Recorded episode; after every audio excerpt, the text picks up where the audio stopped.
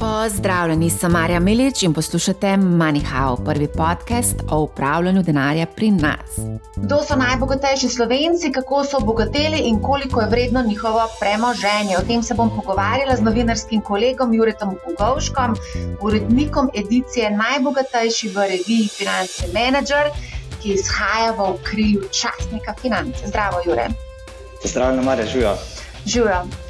Um, Jure, um, hvala, da si se pridružil dan, današnji epizodi. Um, greva se kar osredotočiti na lestvico, kdo so torej najbogatejši slovenci, s čim se ukvarjajo in v bistvu koliko so težki, koliko je vredno njihovo premoženje. Pa da bi se mogoče osredotočiti na top 5. Ja, uh, najprej hvala, Marja, za povabilo. Uh, Lestvica je nova, 17. po vrsti, težki so, recimo, temu, če, če lahko tako rečemo, 8,7 milijarde evrov. To je približno toliko kot cela tržna kapitalizacija na Ljubljanski borzi. In so zrastali za 8% medletno. Ne? To je približno pa toliko, kot znaša stopna inflacija. Tako da so v bistvu realno gledano nekako na nuli, ne? če, če naše ocene, ki veljajo. Drugač pa imamo pa eno spremembo na vrhu. Letos po devetih letih se, smo kot prvo uvrščenega oziroma najbogatejšega slovenca prepoznali Igorja Laha in njegove družinske člane. Potem, seveda, ko sta uh, samo in Iza Login predlani sporočila, da sta se osebno rašla, in smo jo potem tudi uh, nujno premoženje razdelili na dva dela. Uh, vseeno pa mogoče, no, kot zanimivo stanje, kljub temu, da smo jo razdelili, nujno premoženje na dva dela, sta ostala na prvem mestu. Uh, potem imamo tukaj še Boštjana Bandla, uh, ustanovitelja Belektrona, uspešnega in da rastočega, pa tudi stabilnega podjetja, ki se ukvarja z trgovanjem z emisijskimi kuponi, pa tudi investitor, kot investitor nastopa v uspešno podjetje Engen, ki se ukvarja z hranilniki energije, potem pa še člani družine Šišok, lastniki Iskre, ladjarne v Šibeniku in marsikatere nepremičnine tudi v Ljubljani. No. To je mogoče prva peterica. Ja, prva peterica je zelo eh, zanimiva uh, druščina, iskreno povedano. Uh, mogoče bi vsem se lahko osredotočila na družino Lah, pa če lahko mogoče poveš, kdo so člani družine Lah, kolikšen delež imajo v tem skupnem premoženju. Ja, v bistvu gre za ženo, pa tri sinove, ki dosti v njih niti ne vemo. Ne? Mislim, tako, živijo v Švici, saj stalno prebivališče imajo tam. Uh, potem so mogoče na takšnem glasu, ne, mogoče predvsem Igor Allah, da je v tistih privatizacijskih časih, ko, se, ko se je začela ta privatizacija v Sloveniji, začel služiti prve milijone, no, tako kot rečemo. Ne. Je pa kasneje prenašal ta sredstva, tudi tiste delničarje je imel na, na to temo. Smo novinari kar dosti pisali, ne. niso to bile najbolj čedne, pa zgledne prakse. Kasneje je prenašal to premoženje tudi na Cipr, na zadnjega pa najdemo predvsem, da obvladuje premoženje prek švi, švicarskih družb, kjer tudi a, zdaj po uradnih podatkih živi. Največji del premoženja pa predstavlja steklarna Hrastnik, a, zelo uspešno podjetje, recimo te naj, najboljši oziroma najdražji viski, ne imajo njihove steklenice, uh, zelo veliko dajo na to, da recimo na okoljsko, uh, da na okoljski, pri, okolju prijazen način uh, ustvarjajo te, te svoje, svo, svoje steklenice in takšne stvari. In so tudi zelo uspešni.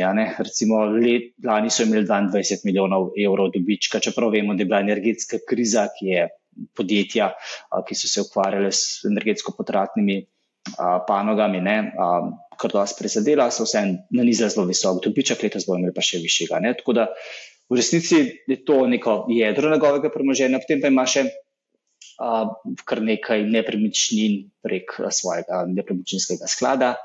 Uh, ta sklad je kot zanimivost, no, tudi kotiral na Dunajski borzi pred leti, ampak se tista kotacija ni preveč a, išla in je potem ne, tega, tega, ta, ta, to poglavje potem bilo zaključeno. A, najdemo ga pa tudi, oziroma njegove družbe med lastniki a, določenih slovenskih energetskih podjetij, ki so večinoma v državni lasti. No, tako da zdaj le pred avgustom se je malo govorilo, da bi država lahko tiste deleže odkupila. Potem so nastale so tiste poplave, bile, ne, in uh, je bilo zelo veliko razburjenja v javnosti, če da bo pa država namenila 200 milijonov za izplačilo.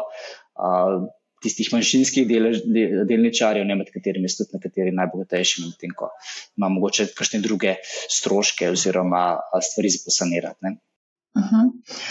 um, zdaj, ocena njegovega premoženja je 385 milijonov evrov, kar je 45 odstotkov več, kot je bila ocena lani. Ste mogoče gospoda lahko dobili za komentar? Ne, nismo ga dobili. Tudi v, v bistvu je praksa, da s poslovno javnostjo oziroma z, medij, z mediji ne komunicira, ne, tako da ne komunicira in tudi tokrat ni. No. Tako da nasploh uh, je odziv na te prošnje za komentar kar dosti, uh, recimo, slab v zadnjih letih.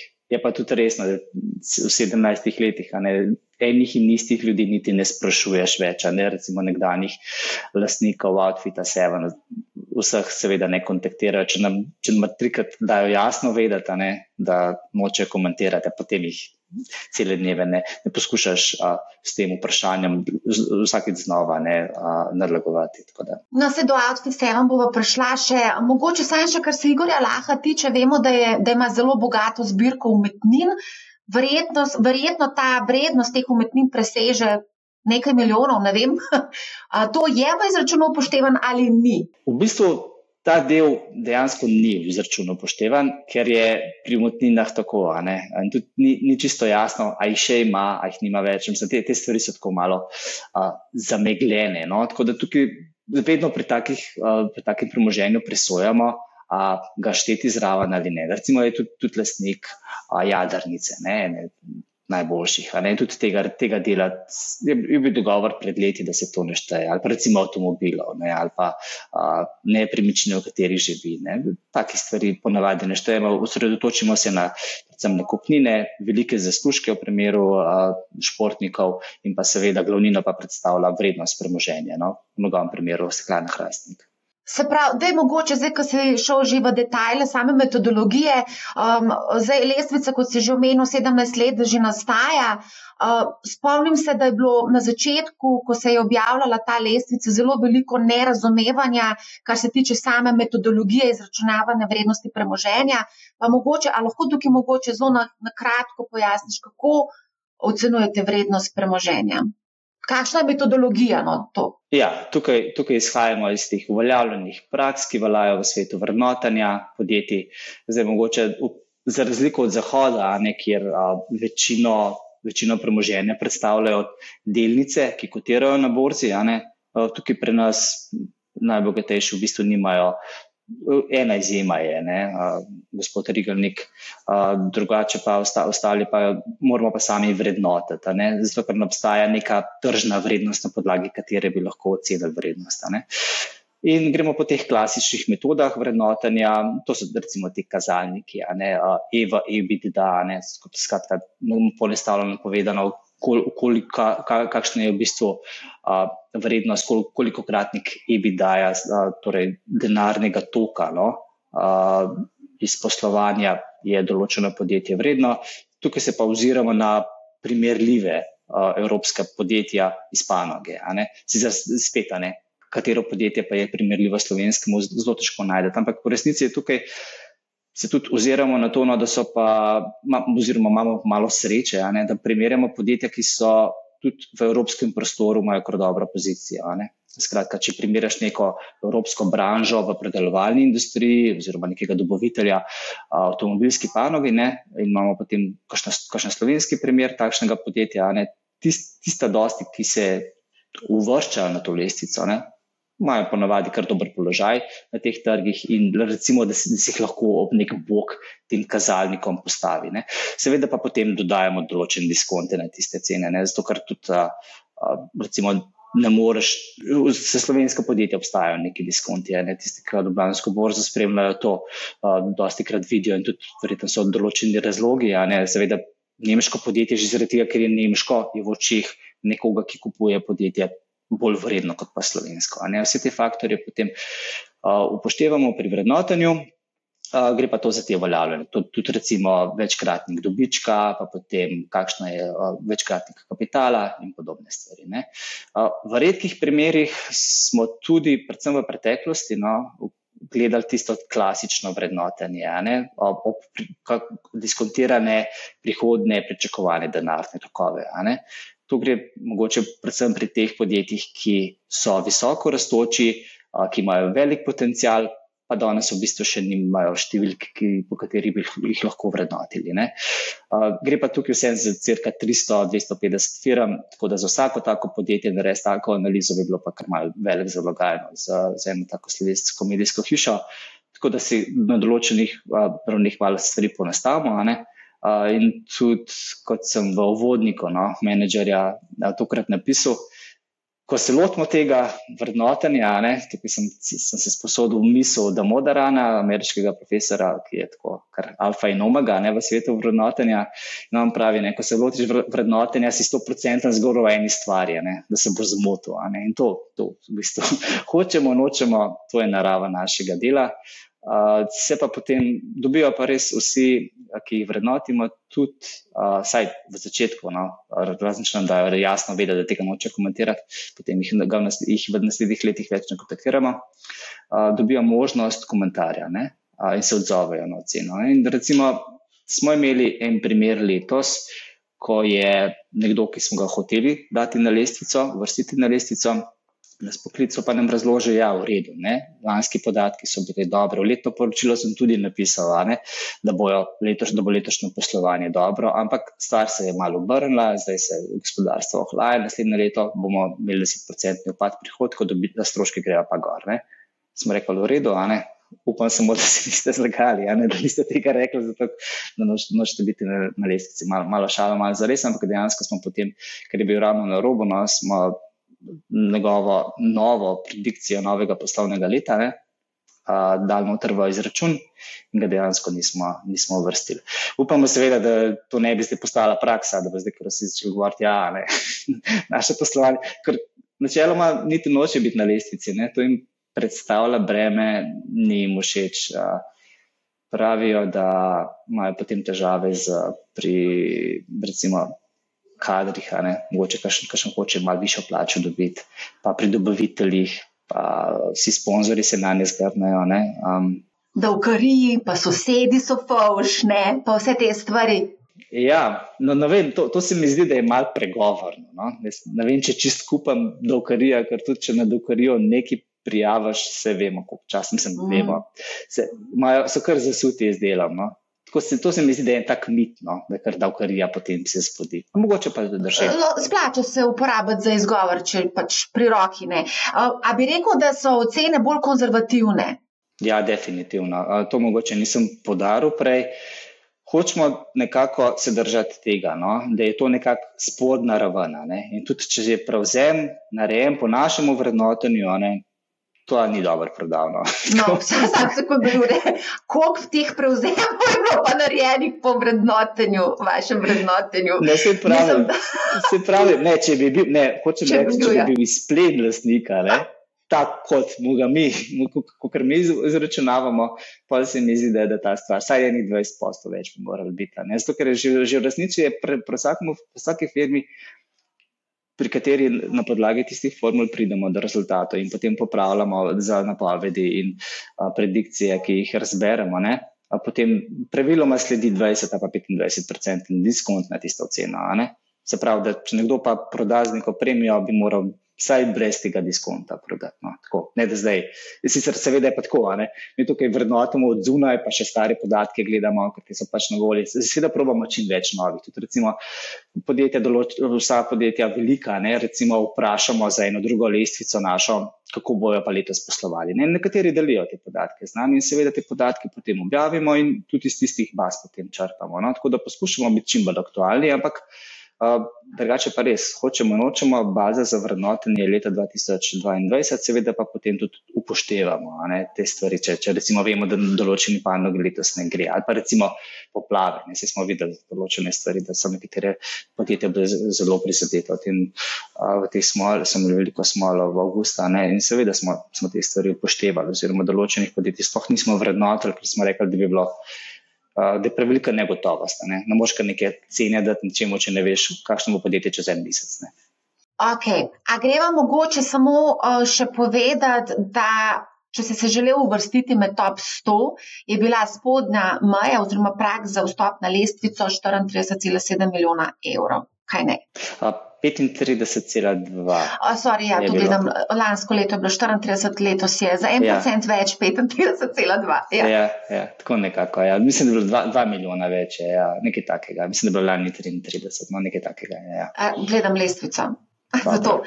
Ej, razen, če se je kaj spremenilo, tiste zadnje, ki smo jo pošiljali. V glavnem, a, ja. a na, repu lestvice, um, na repu lestvice, ko gledamo na vrhu lestvice, ni nekih dramatičnih premikov. Ne, imamo nekako dost podobno lestvico na vrhu. Bolj dinamično je pa pri repu lestvice. Je bilo letos tudi tako? Zdaj, samih sprememb, ne letos, mi, mi tako rečem, vedno pogledamo, kateri so novinci. To rečemo tistim, ki še nikoli doslej ni bilo na lestvici, kateri so pa povratniki. Novinci so štirje povratnikov je pa šest. In vse skupaj je deset novih v primerjavi z lanskim letom, recimo, oziroma dru, drugih. Ne? Uh, in ta dinamika je pa v bistvu najmanjša. Se pravi, 90 je, je istih, uh, v prejšnjih letih se je veliko več spremenjalo. No?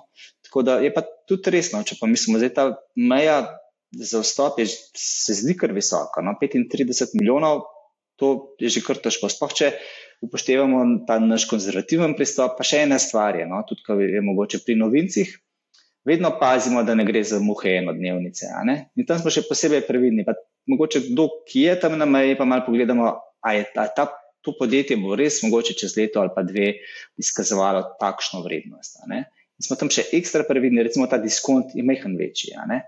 Tako da v resnici se je na novo uvrstiti na lestvico, no, se je kar težko. No.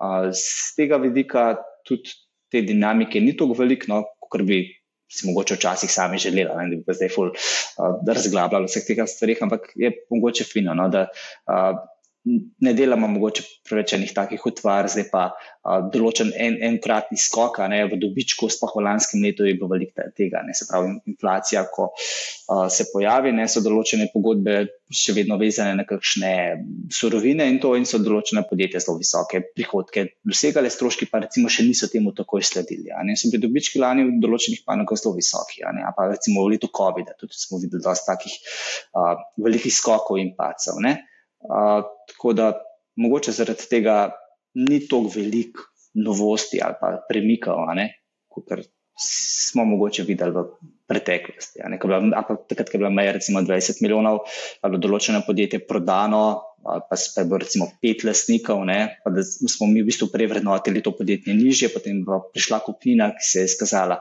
za precej višjo in so dejansko posamezniki dobili to kupnino na, na svoje račune, in potem je bilo kar nekaj pet novincev. Ne. Mogoče, če se vsem vrnemo na drugo in tretje mesto, ker sta Iza in samo login, sveža ločenca, če lahko temu tako rečem, veterana na lestvici najbogatejših, na vrhu lestvice, ona dva sta bila koliko let na prvem mestu? Devet. Devet, let, let mestu. Od ja. 17 letih, v 17 letih, torej kar dolg časa. No. Vrednost tega premoženja se ni spremenila sploh, razen to, da se je razdelila deljeno z dva. Ja, zdaj to, to kar si rekla, da se ni spremenila. Ne. Na ja, nula je. Na ja, lestvici, točno ja. tako. ja, na lestvici. Kaj, kaj pa se zgodi s temi, ne, ki prodajo svoje deleže? Ne? V resnici za veliko večino njih ne vemo, kaj se z njihovim premoženjem dogaja. Ne?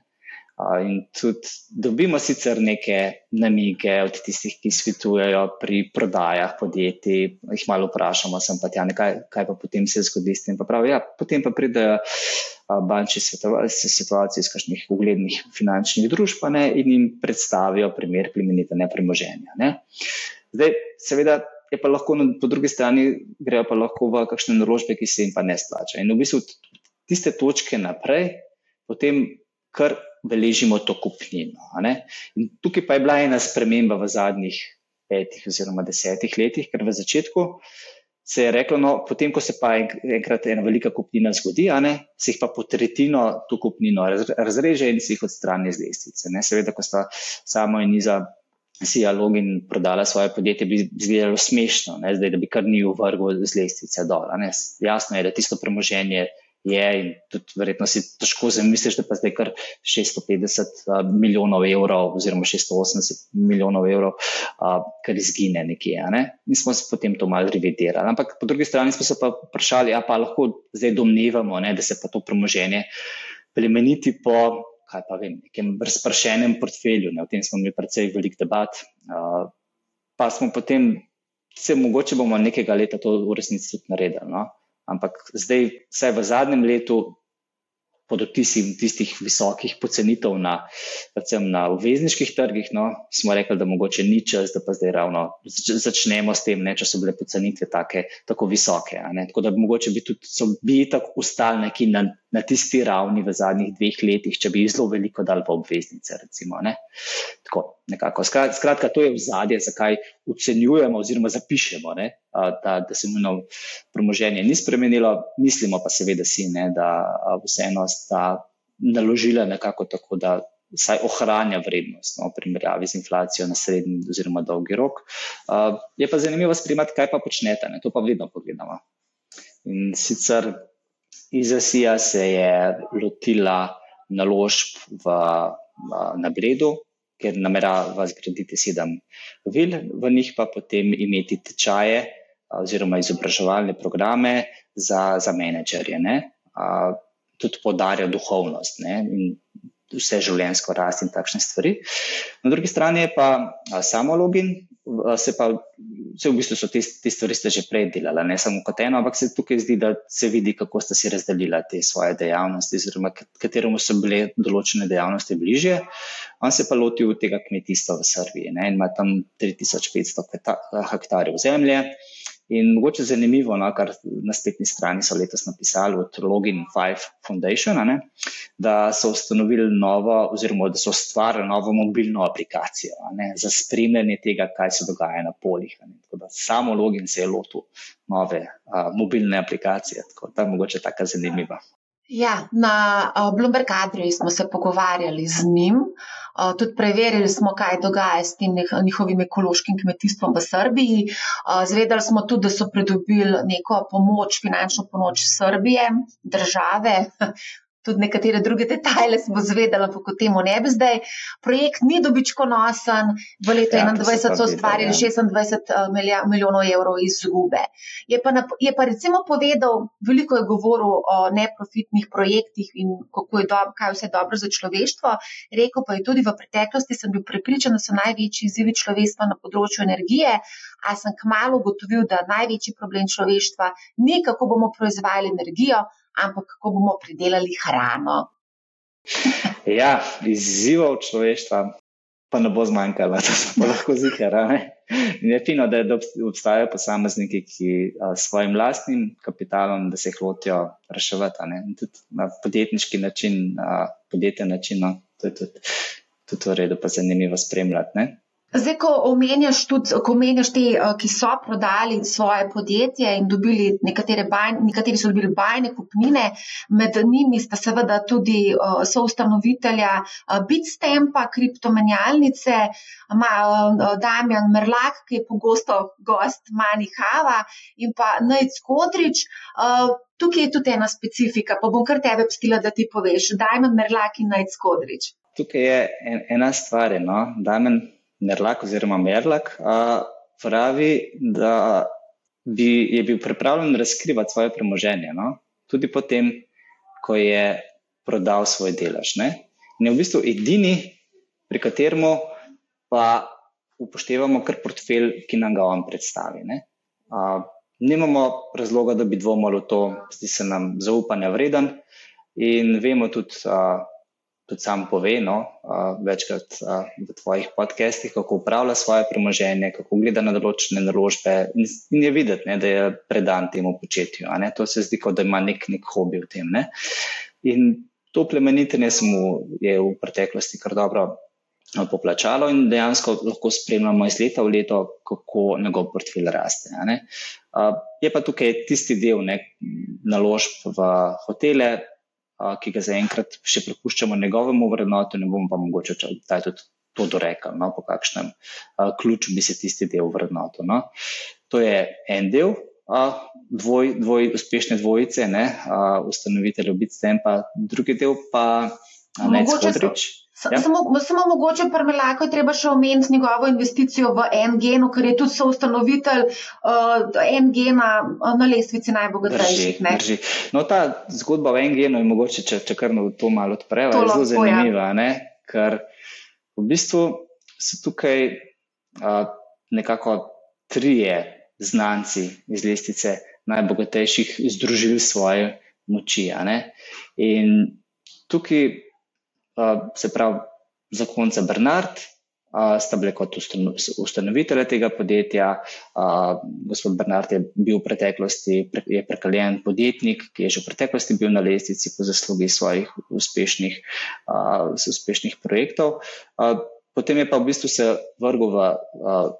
V hranilnike električne energije, razvijal ta projekt. Najprej mu je kapitalsko priskočil na pomoč Damen Merlak, kasneje pa še gospod Bandal. Ne? In v bistvu so zdaj vsak tretjinski lastnik tega podjetja in tako zelo zanimivo, no? ker na eni strani domač kapital, ki se reinvestira v domače znanje, pa tri je prekaljeni poslovneži. No? Tako da to zgodbo bo fulj zanimivo spremljati. No? In za letošnje leto se je analitik odločil, da pusti vrednotenje na, ta, na isti ravni. No? Smo se pa predvsej pogovarjali, zato ker v bistvu že lan, lanska dokapitalizacija ne? uh, je nekako izkazovala, to, kar se je letos zgodilo. Uh, smo pa mogoče že malo zadnji. No. Smo tudi v opisu potem napisali, da če bi prišlo recimo danem točko do prevzema tega podjetja, je pa vrednotenje sigurno precej večje. No. Uh, tako da tukaj smo malo v precepu, ali smo mogoče že malo pretiravali s, s tistim, kar smo obdržali lansko ceno. No. Uh, kar se pa tiče uh, Neca Kodriča, če pa mogoče kar naprej. Je pa tako, da on je v bistvu ostal uh, z 10 odstotnim lasniškim deležem v podjetju, biti s tem še nekaj časa, uh, pa potem tudi stopil po podobne vrnotenje no, kot uh, Damen Merlak. Je pa on pa recimo ne, ne želi kaj preveč razglabljati v svojem, uh, in seveda to spoštujemo, ne, uh, v svojem premoženju. Se pa seveda postavlja vprašanje. Zdaj, na eni strani, če pogledamo dva so ustanovitelja, začela sta v bistvu imela sta enake deleže zdaj pa malo tako zgleda, ne, kot, kot da je Merlak pa precej uspešnejši. To, to samo pomeni, po, sporoča, da je on deli z nami svoje premožene, gospod Kodrič pa ne. ne. Čisto možno je, da je situacija. Lahko, lahko da je situacija obratna. No. Da je skratka, da je, da je Kodrič bolje premeniti v vseh teh letih uh, svoje premoženje. Na vse zadnje je to enkrat v preteklosti rekel, no, da je uh, za razliko od Merlaka ne, pa ostal v, v bitcoinih. In mogoče je pa tam kaj več zaslužil. Ampak ja, ne, ne bova zdaj tukaj ugibala, samo tako mogoče, no, da ne bi kdo zdaj rekel: Ja, poglej, Merlaj pa ful bolj upravlja od kodriča. No. Te, tega zaključka mislim, da ne moramo dati. Ja, ravno zdaj se dogajajo pretresi na Bitcoin oziroma na kriptosceni, ne samo FTX, tudi Binance ima težave. Tako da ja. to je definitivno ena taka tema, ki jo je za spremljati. Okay, mogoče sam še povej, Madamen Merlak je nova Merlak, a veš, da let, več kot deset let ga poznam in mu že cel cajt govorim Merlak, ampak je pa Merlak, to imaš prav.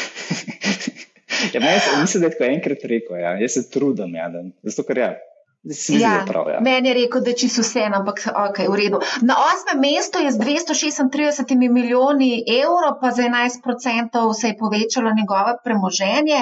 Nec Kodrič je pa na 25. mestu z 87,8 milijoni evrov, pa v bistvu je nespremenjeno ravno zaradi tega, ker se vse pač pojasno zavezano na njegovo premoženje. Uh, zdaj, ko govoriva o tej pisani druščini ljudi na lestvici, mogoče lahko izpostaviš, iz katerih panog prihajajo slovenski milijonarji. Ja, zelo je brvita. No? Tako da bi zdaj pa rekel, da je pa prav neka panoga, ne? A, bi težko rekel. Je pa nekako vseeno, tako kot je v slovenskem gospodarstvu, največja utešna predelovalna industrija tudi tukaj. Gre za neke vrste prvake a, slovenske predelovalne industrije ki so zelo uspešni na zahodnih trgih, imajo tam dobre položaje in tudi, recimo, uspevajo, no, dokaj uspevajo prenašati te cenovne pritiske a, naprej a, na svoje kupce. Se je pa videlo, no, da je v letošnjem letu bilo to mogoče malo večji izziv, kot smo sami pričakovali, oziroma prej smo šli ocenjevati podjetje za lestvico, si mislili, da bojo. Sploh potem, ko smo pogledali letna poročila, no, tam izhaja iz tistega, izhaja, no, da imajo kar nekaj izzivov. Drugače, med novinci so pa predvsem mogoče IT-ovci. No, čeprav med, v zadnjem času niti ne, no, ampak tisti mladi, mladi podjetniki, ki so se uvrščali na lestvice, so prihajali iz tega. Oziroma, tisti kandidati, no, ki jih vključujemo notri, ne, v ta a, nabor, tistih, ki jih ocenjujemo, prihajajo predvsem iz teh branž. A, se pa, se pa dosti krat zgodi, no, da so kašni novinci potem podjetja, ki so korenine pognale v 90-ih letih, pa potem druga generacija pelje to stvar naprej, jim uspe kakšen nov preboj in a, naredijo kakšno. Z, z, Zelo dobro leto in napovedi za, za prihodnja leta. Ne. Tako je recimo letos podjetje First iz Velenja. Moram reči, da prav dosti v tem podjetju do nedavnega, no, se smo jih že, leta smo jih v bistvu zaznali, no, uh, niti nismo vedeli, tudi ko sem se malo pogovarjal s kakšnimi kolegi iz Velenja, ne gre za neko prav zelo odmevno zgodbo, ne. Uh, je pa, so pa recimo s svojimi rešitvami za toplotne črpalke, ne, njihovi sestavni deli so zelo iskani, in toplotne črpalke, kot je kolega analitik rekel, se prodajajo kot vroče žemljice ne, in to seveda je zelo dvignilo popraševanje po njihovih produktih, tudi a, ceno so seveda lahko postavili tako, kot a, jim je odgovarjala, da tudi za naprej pravijo, da jim bo šlo dobro in a, imamo novinca, ko v bistvu do predlani sploh nismo vedeli, da obstaja. Ne? Čeprav seveda je to, to podjetje zelo uspešno, že po standardih, ne slovenskih v preteklosti bilo, ampak zdaj mi pa res uspem tako velik preboj. Ne? In to tudi mogoče ena taka novost letošnjega leta, no, mislim novost, ena skupna točka nekaterih podjetij, ki so dosegala visoke skoke. Skratka, veliko popraševanje po rešitvah, ki so uporabljene v a, tem ener zelenem energetskem prehodu. No. Zdaj si v bistvu povedal, da lestvica ni popolna ja, in da verjetno, verjetno se skrivajo milijonarji, ki niso v bistvu na vašem radarju, na našem radarju. Koliko misliš procentualno, da smo palili teh milijonarjev? Mislim, procentualno najprej, siguren, mislim, mali verjeten takšnih, ki imajo manj, kot smo jim naračunali, skratka, velika večina jih ima več, kot smo mi sami naračunali, to, to smo skoraj prepričani in tudi nočemo, da raj komu naračunamo manj kot več. To je ena stvar. In tudi, če iz tega izhajava, potem, ne, pa tudi uh, se zavedaš, potem, da kakšnega zgrešiš. Eni, eni, en, ena skupina, ki jo zgrešimo, je sigurno tisti, ki so zelo veliko zaslužili v kriptosvetu. Koliko je takšnih posameznikov, se sliši, vas sem pa tja, ne, v kakšnih takšnih zgodbah, uh, ampak jih je težko težko res vedeti, koliko jih je v resnici, ker a, se zelo trudijo, da ne pustijo nobene sledi. Včasih kupijo kakšno veliko nepremičnino, pa potem s kakšnim odvetnikom poskrbijo, da gre to prek kakšnih takšnih držav, ne resništvo, da tudi še vedno ne vemo, kdo je v resnici kupil. Ne. Samo med, med vrsticami pa potem zvemo, da, da so slovenci. Ne. A, pa tudi sem in tja od kakšnih posameznikov, ki jim verjetno lahko malo zaupamo, ne, da se jih ne zmišljujejo. Slišimo, da tam pa 50 milijonov v kriptu, tam pa 100 milijonov v kriptu. Čeprav po drugi strani, pa sprašuješ tiste, ki pa. Za katere vemo, ne, da so v kripto sceni, pa pravijo, da takih posameznikov ne poznajo. Tako da se zdi, da so to neki, težko zdaj reči, voki samotarji, ampak taki osamljeni primeri, ki a, jih je zelo težko prešteti.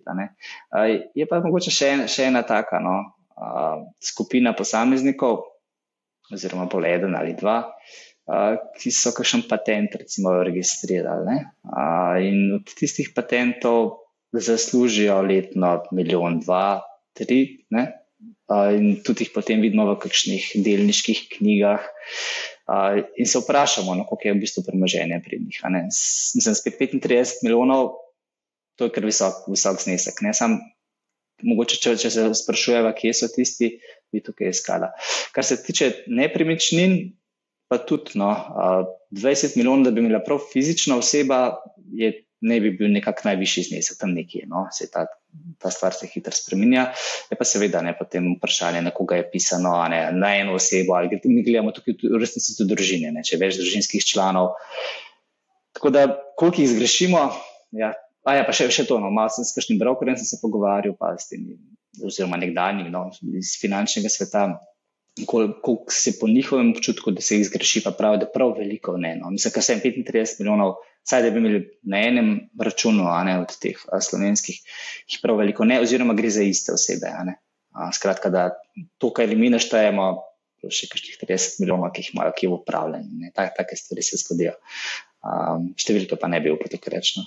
Upam, da čim manj. Ja, ja verjetno je kar nekaj takih, uh, ki jih ni na lestvici, pa v bistvu mogoče pa jih mogoče tudi poznamo. No? Ja, no, pa tudi mogoče eno. Ko govoriš o, o nepremičninskih mogulih, ne pa recimo tudi o kripto, te, te, te, ki so bili v kriptu prisotni že praktično na začetku, to je zelo malo število slovencev, ampak nista bila samo Merlak, pa naj skodrič. Je bilo še par posameznikov. No, pa tudi v resnici za, za njiju, saj za Kodriča, nikoli nismo vedeli, koliko je bil on v kriptu z, z naložbami prisoten. Ne? Tukaj govorimo o tem delu. Ne? Kar se tiče kriptobiznisa, tam so stvari kar bile manj bolj jasne. Ne? Ampak mm. kot naložbo, ne? mislim, predvsem gre tukaj za ta, za, za ta del, se pravi, koliko je uh, teh naložb. Mislim pa na Ljubljanski borzi jih prav veliko ni, uh, mislim, te imamo preštete, a ne v resnici gledamo delniške knjige, ne? tukaj ni. Tudi hit, zelo hitro nekdo ven skoči. Ne? um, imamo ljudi, ki v Sloveniji zelo zvesto preverjajo te delniške knjige. In če je kakšen tak premik, če se spomnimo ministra Vizjaka, ne, to hitro potem pride na plano. Tako da v slovenskih delniških knjigah se ne, se ne skrivajo. No. Ne, to se ne skrivajo.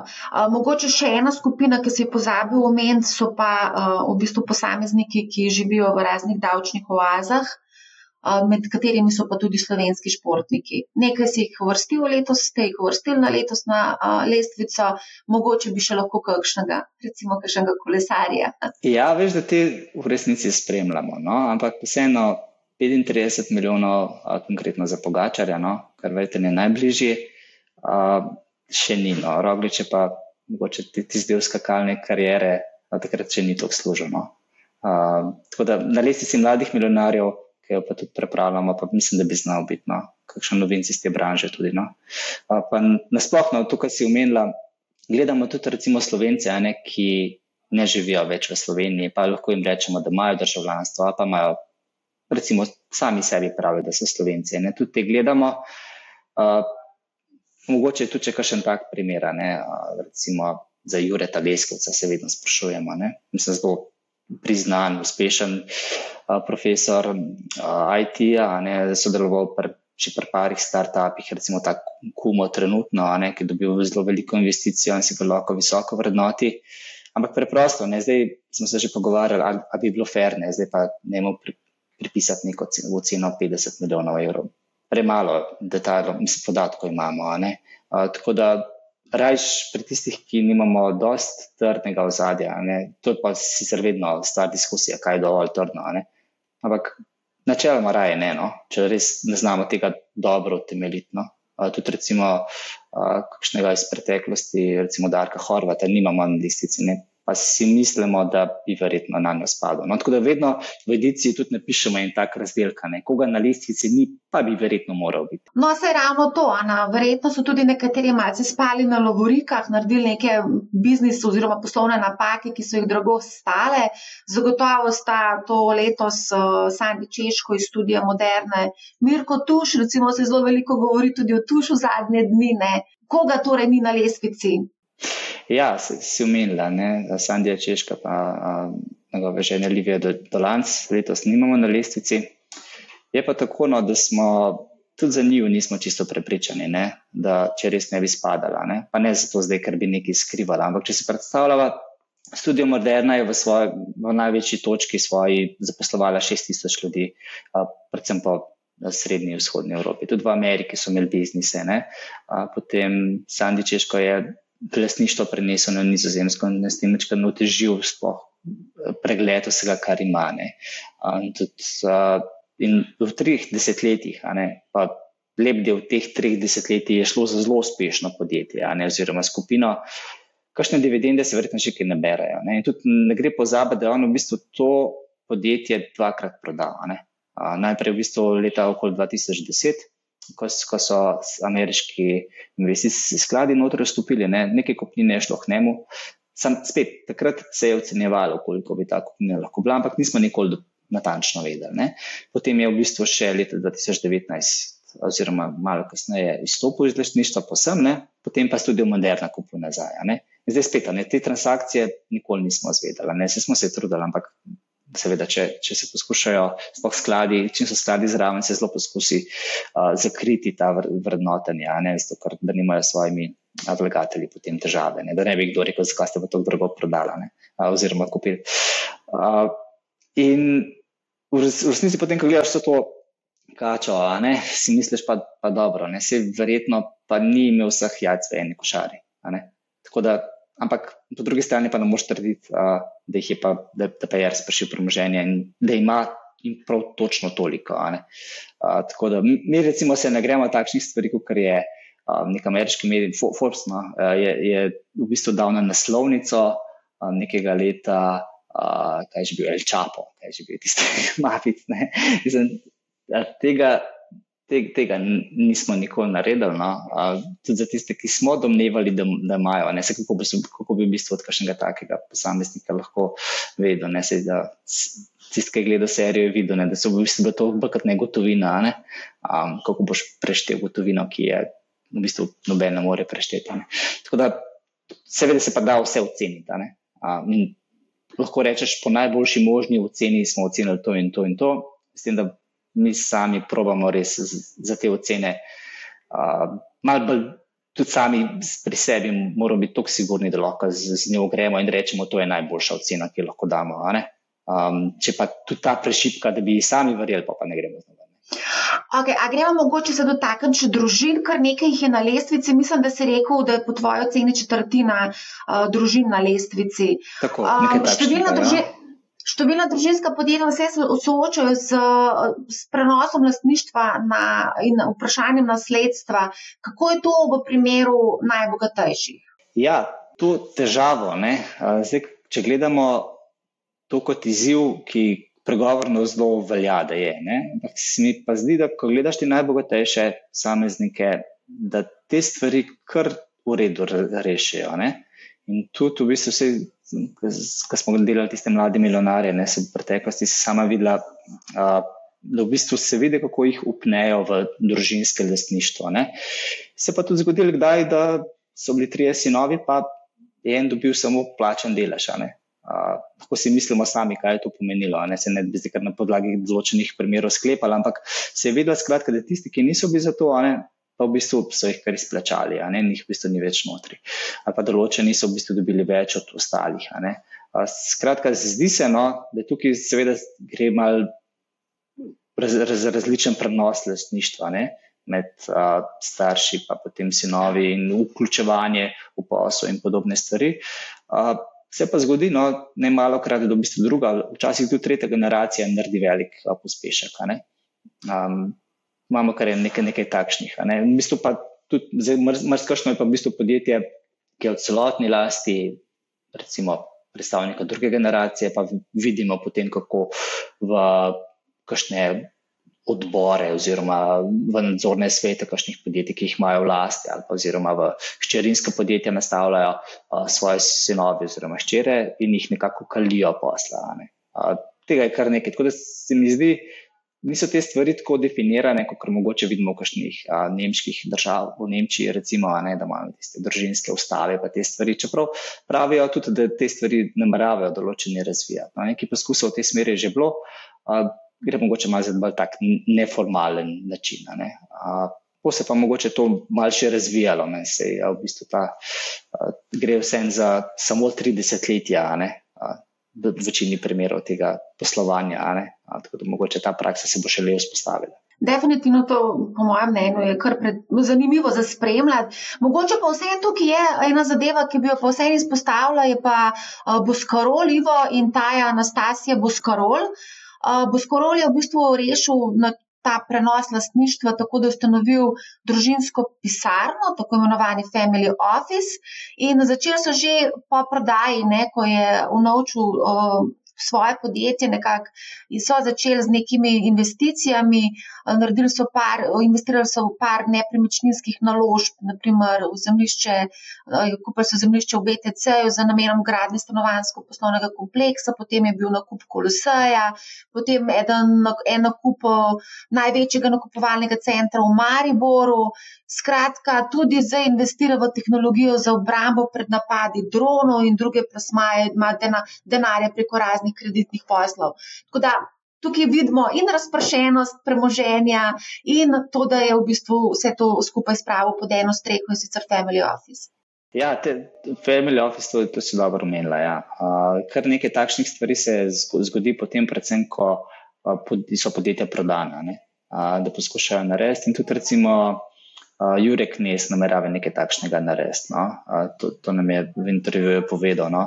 V bistvu je prenesel pre, svoj lasniški delež iz DVSofta uh, na, na svoj holding družinski in razmišlja, kako bi pozor določenih nemških družin vzpostaviti to.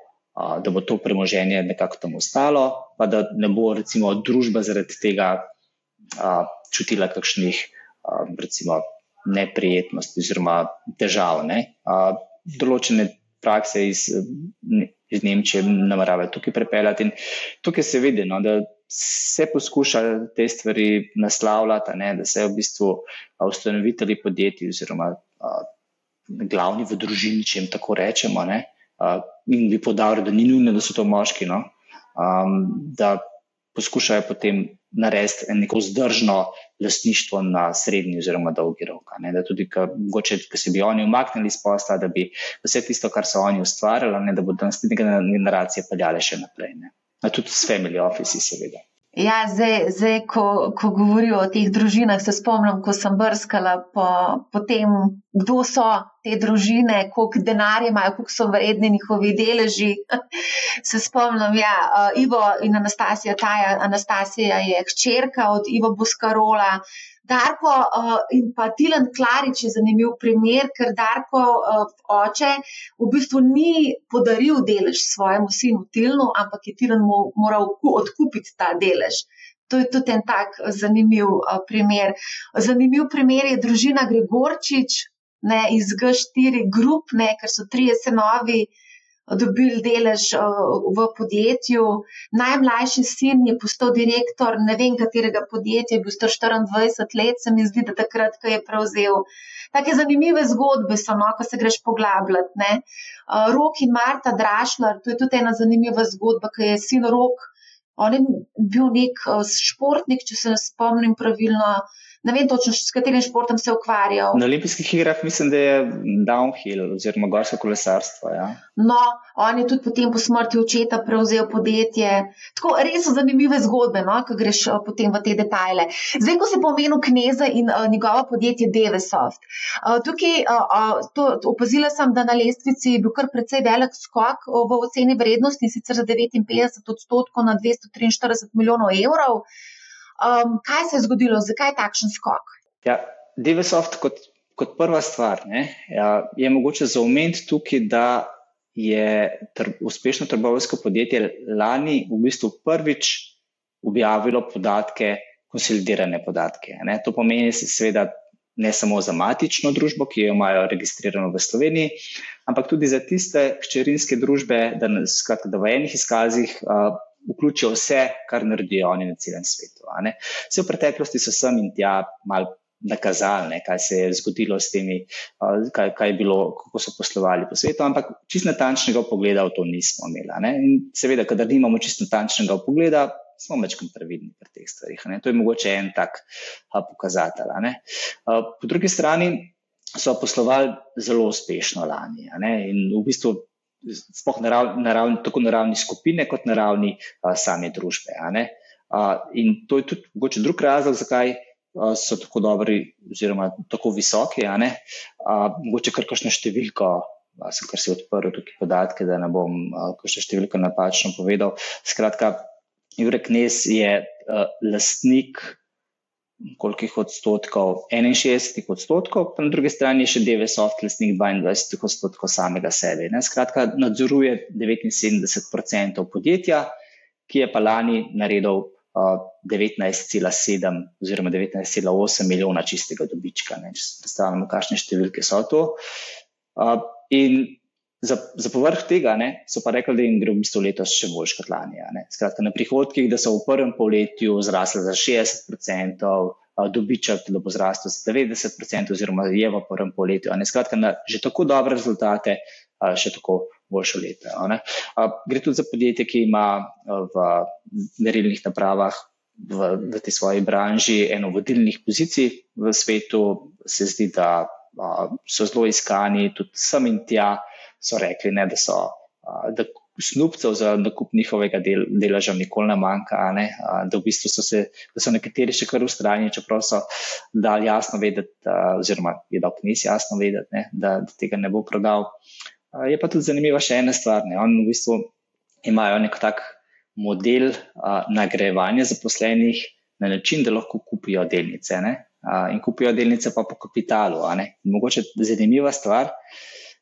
Sam kapital je podjetja je lani znašal konec leta 66 milijonov evrov. Ne? Nekateri jemljajo pač kapital kot neko osnovo za vrednotenje. Ampak, ko sami gledamo to podjetje in primerjamo s, s kakšnimi tako dobro stoječimi podjetji v panogi, se nam zdi, da je mogoče bolj petkratnik kapitala, da je primernejši za, za vrednost takega podjetja. Ne? Tako da. Če si predstavljaš, Marja, da bi tebi rekel, no, zdaj pa za eno petino nečesa, kar je vredno, a ne kupaš nekaj, bi verjeten bil pripravljen to kupiti. Seveda pa potem vsi ti lastniki dobijo, ki so zaposleni, samo zaposleni so lahko lastniki, dobijo potem dividende od tega podjetja, od DVSOFT-a in so tudi mogoče udeleženi v tem, kar sami ustvarjajo. No, taka zanimiva zgodba lastništva je pa mogoče mal bolj slovenska, no, bolj, bolj primerna za ta prostor. Se mi zdi, da v ZDA je takih zgodb malo manj. No. Čeprav, ko smo ga vprašali ravno to, no, je rekel, da so podobno schemo ponudili zaposlenim v ZDA in da so tudi tam kar navdušeni. Tako da mogoče imamo samo napačno predstavo. Ja, no, ta pot je oboje stranska. Zaposleni DVSOFT-a imajo možnost postati v bistvu lastnik podjetja z nakupi deležev ne, po knjigovodski vrednosti. In tudi prodati po knjigovodski vrednosti. In prodati po knjigovodski Tako. vrednosti. Uh, tako da to je šestkrat manj ne, kot. Um, Ja, pri... Knjigovodska vrednost, po katerih se deleži pridobivajo in odsvajajo, je šestkrat nižja med družbeniki.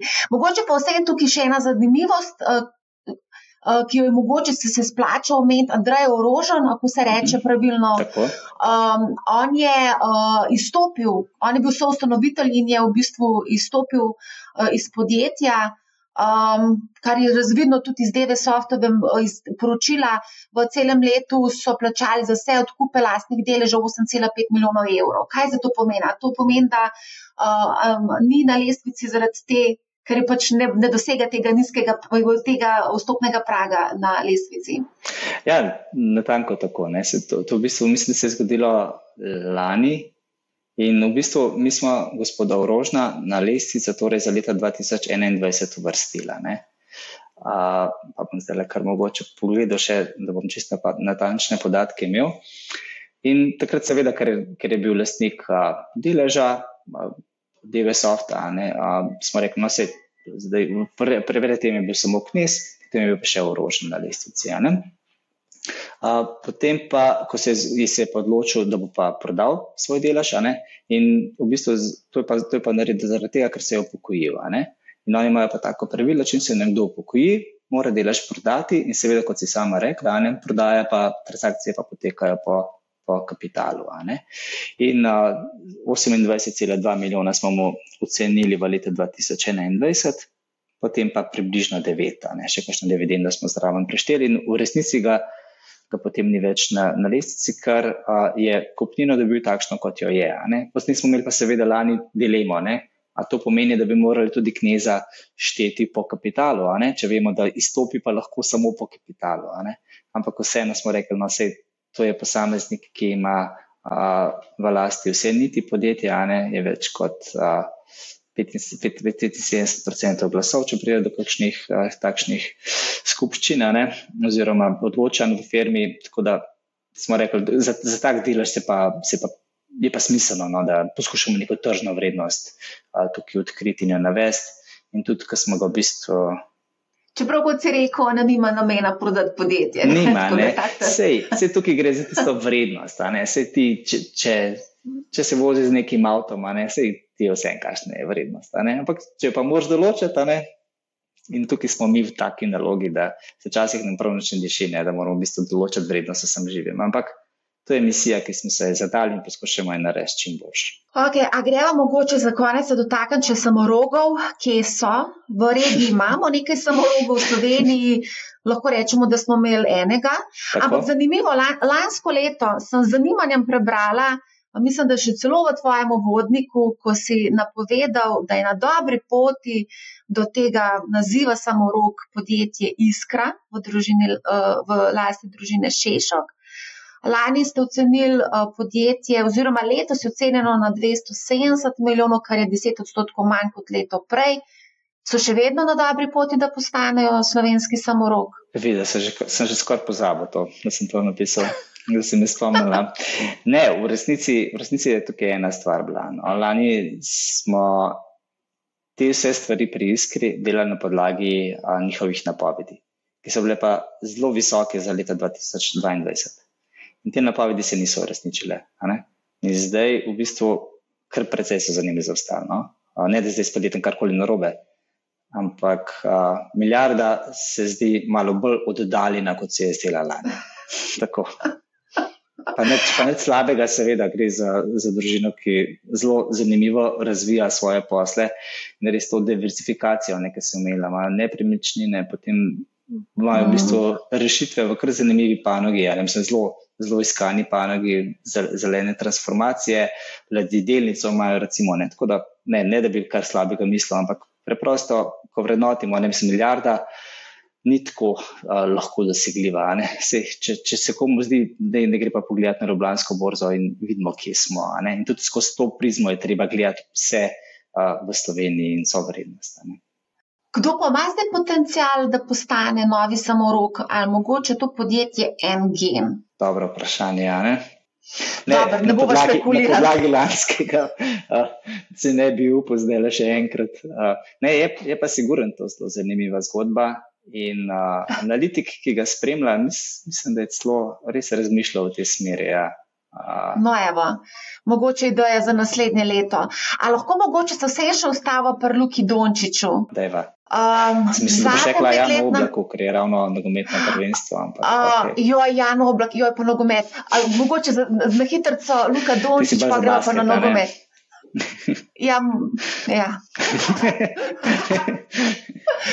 okay. um, uh, zadnja petletna pogodba, ki jo je podpisal za Dallas uh, Mavericks, uh -huh. uh, mu garantira minimalno letno poprečno plačo v višini 43 milijonov dolarjev. Eh, sicer do sezone 26-27. Potem imamo tukaj še športne copate z blagovno znamko Jordan, eh, ki operira v pač, okrilju družbe Nike, ki naj bi mu prenesla do 10 milijonov na leto. Pa verjetno bi še kaj lahko tukaj dodali. Mm -hmm. Glede na rast plač v MBA v zadnjih desetih letih, in pa če bo seveda Luka zdrav, bi lahko v naslednjih desetih letih ustvaril več kot pol milijarde dohodkov. Um, predvidevamo tudi, ne, na glede na to, kar smo se pogovarjali, sem se recimo z Goranom Dragičem pogovarjala o tem, ko, ko, kaj se zgodi, ko prejmejo prvi ček. Ne. Dobijo finančnega svetovalca in morajo opraviti test finančne pismenosti. Predvidevam, da je tudi Luka to rabo opraviti in predvidevam, da ima nekega finančnega svetovalca, ki mu svetuje pri investiranju v različne naložbe. Zdaj pa, če pogledamo te žive legende, kot je LeBron James, on je ocenjen na okroglo milijardo, Michael Jordan. Jordan naj bi imel um, neto premoženje v višini 3,8 milijarde. Očitno, mogoče, upajmo, ne vem, fajn bi bilo, da bi tudi Luka Dončić uh, bil v tej skupini milijarderjev. Uh, to so seveda ocene Forbesa. Sam, če to povem, ne. Se pravi, prav, sprašuješ, če bo Luka naslednji samorok. Mislim, ne moramo reči samo ropne, ampak lahko pa rečemo, da bo v družbi ja. športnih milijarderjev. Ja, ja, drži, drži. Uh, mogoče mogoče bo pa investiral v kakšno podjetje. Ne vem, se ja, imamo cel ja. kup uspešnih uh, igralcev, uh, glasbenikov, Tako. ki znajo zelo dobro investirati svoj denar.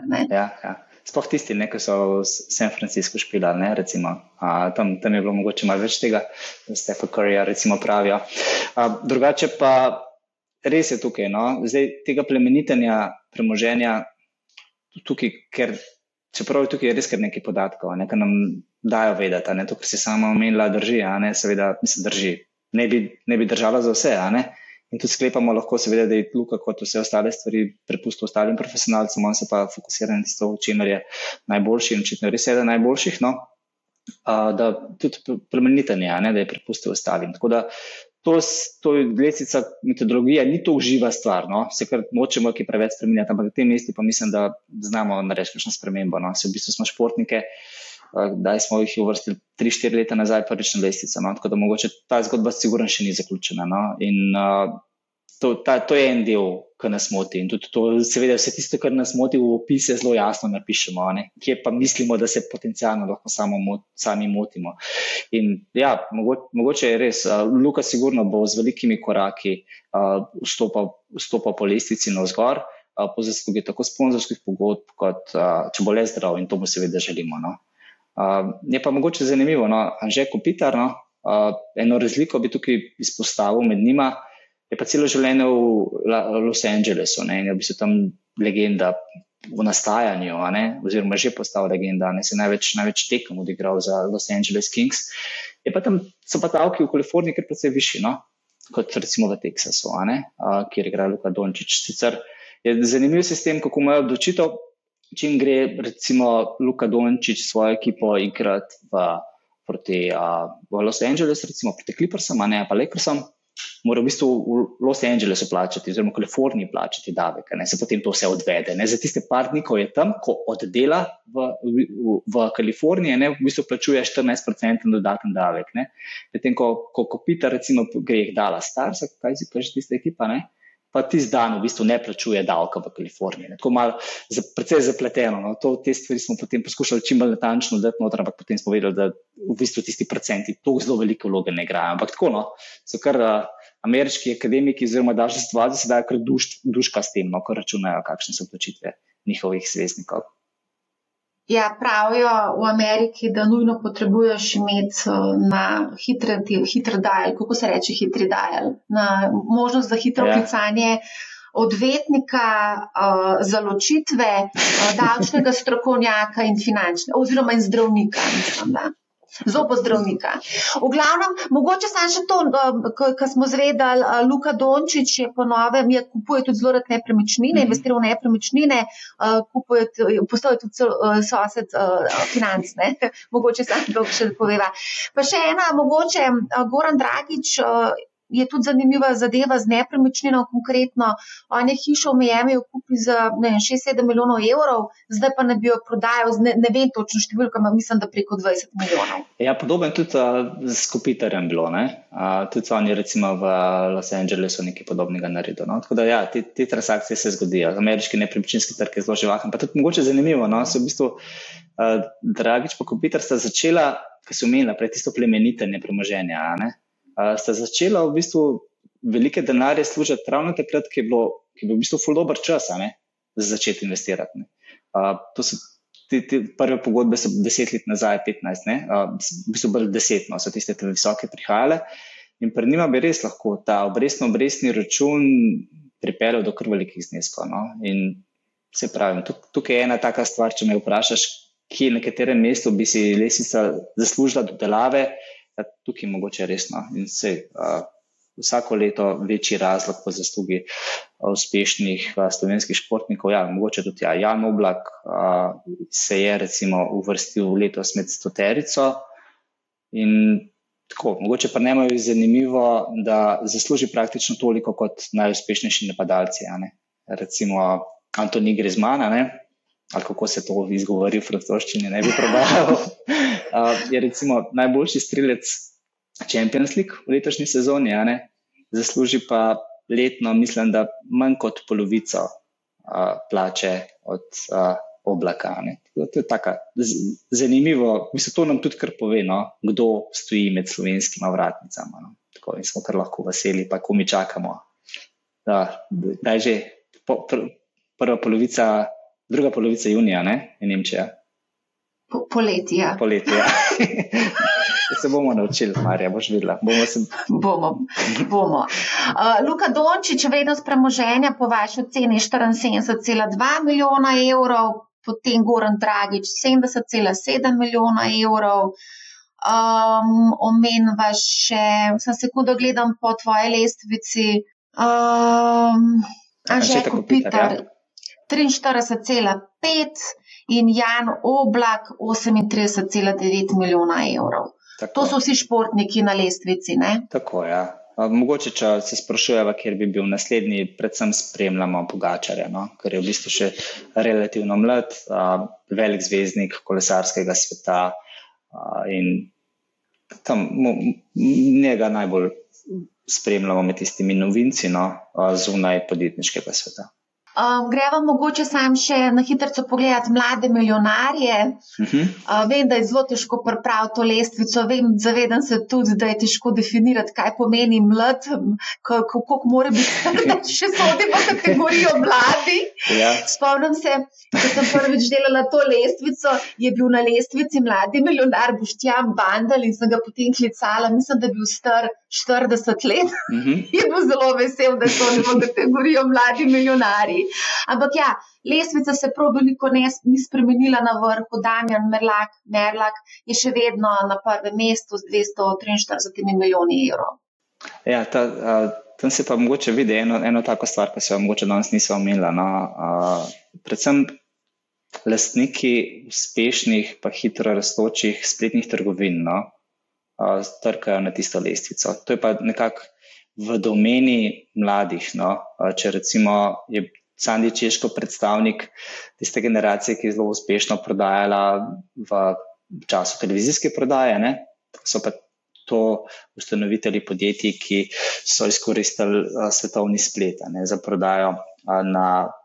Tako, v bistvu, ni, ni samo Slovenija, no, mislim, predvsem vsi ti, ki trkajo na vrat, oziroma so na lestvici, so zgradili Uh, tudi v Nemčiji, recimo, prodajajo ogromno, pa na Češko in na podobne trge. Uh, to je mogoče en tak zanimiv segment, zelo raztoče, pa tudi zelo nihajeno. No. Tukaj, recimo, Facebook spremenil algoritem, pa je v tistih podjetjih kar precej živahno.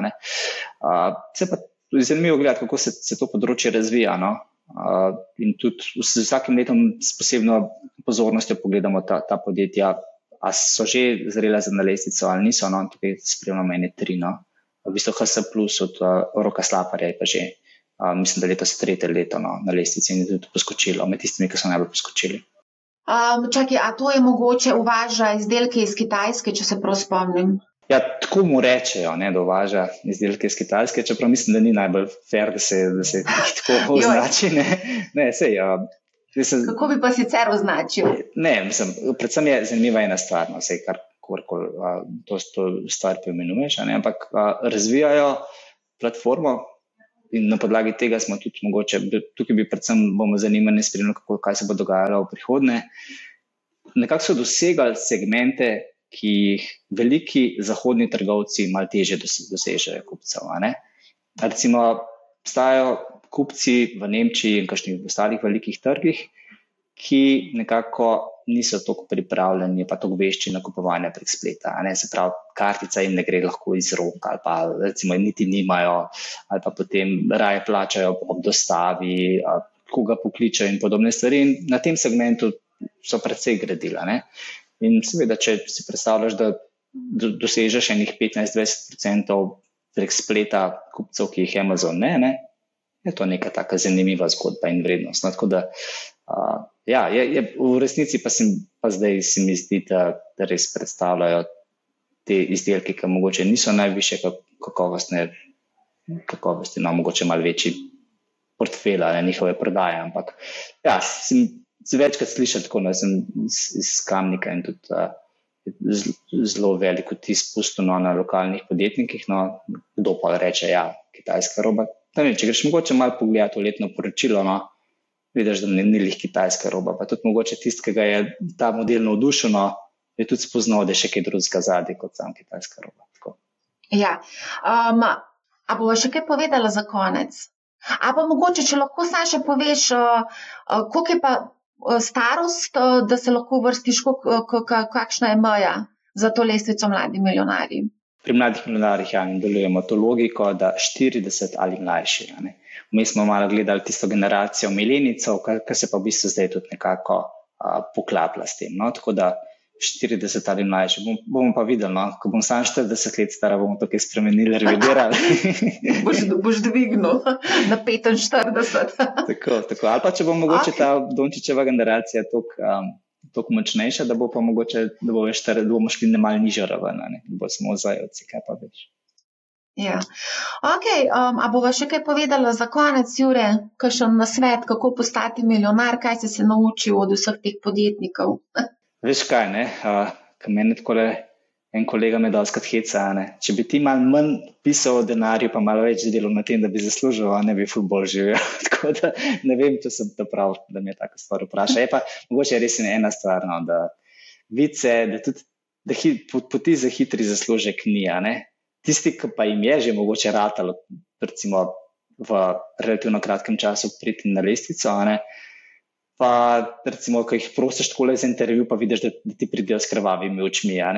Skratka, zelo ekstremno veliko so delali, sreča nekako, oziroma splet na ključi, no, da si ravno zajahal pravo panogo. Tu se zdi, da je ena taka skupna točka vsem tem, ki jim je na koncu uspelo. Pa še mogoče tudi to, no, da danes, če ti start-upi, ki nastajajo, so vedno že po pravilu, no, velja, da ne bi bilo to ena ekipa treh plus posameznikov. Zdaj, če, če so to trije posamezniki, pa se vsaj približno na tri dele razdelijo ta delaš, uh, je to zelo težko potem priti na lestvico. Ampak sej. Uh, Če si zamislimo, da ima tisti stoti na lestvici približno 3 milijone dobička, ne, pa da je čisto procenten lastnik, vse mogoče tudi kakšen milijon manj, ne, je, je, je posebno zadosti za in uh, mogoče, da, da tukaj se je res izkazalo, no, da je ta uh, raven že, že res zelo, visok, zelo visoka in da tudi premožnega lahko označimo marsikoga, ki je na 300. mestu. Se strinjam, ja.